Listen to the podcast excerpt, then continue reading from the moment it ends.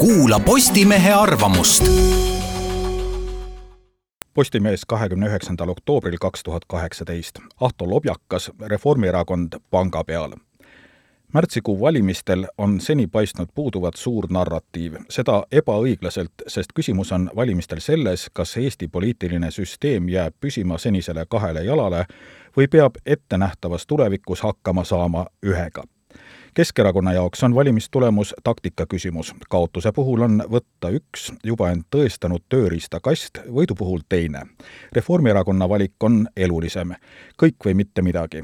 valik on kunagise kuulsuse taas läikima löömise või kuulsusetu hääbumise vahel üha väiksema partnerina üha kirjumates koalitsioonides selles universumis, milles Reformierakond moodustab järgmise valitsuse, algab valimisjärgsel hommikul maaorava päev, milles tehakse olematuks viis viimast aastat. Taavi Rõivas on marginaal, keda nagu poleks olnudki.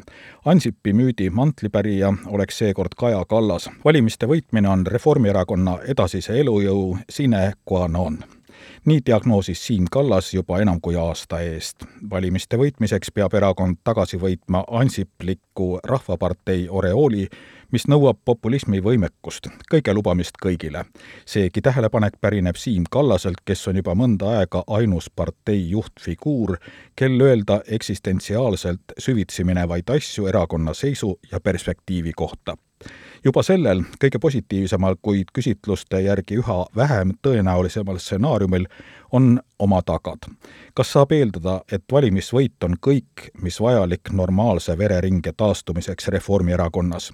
kas kaks võimukauget aastat pole juba avaldanud liiga söövitavat mõju erakonnale endale, tema hammasrataste veatule jooksule, tema moraalile, tema eneseusule?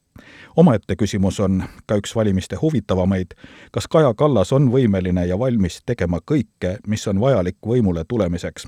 kui valimisvõit peaks käest libisema, saab teine koht olla autasustatav vaid koalitsioonis kolmandaga.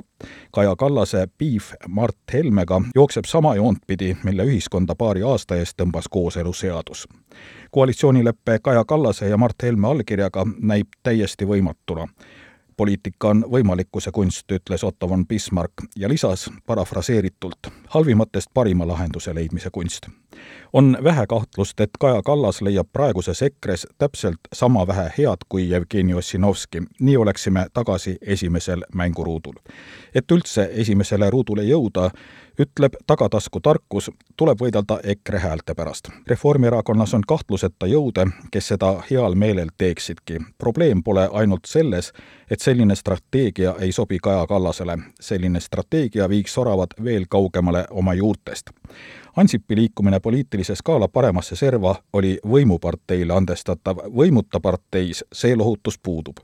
Korobeiniku ja Sooääre lahkumine on märgilised, mis saavad Kaja Kallase positsiooni vaid kahjustada. lahkumiste tagant vaatab aga parteijuhile vastu väga konkreetne konundrum.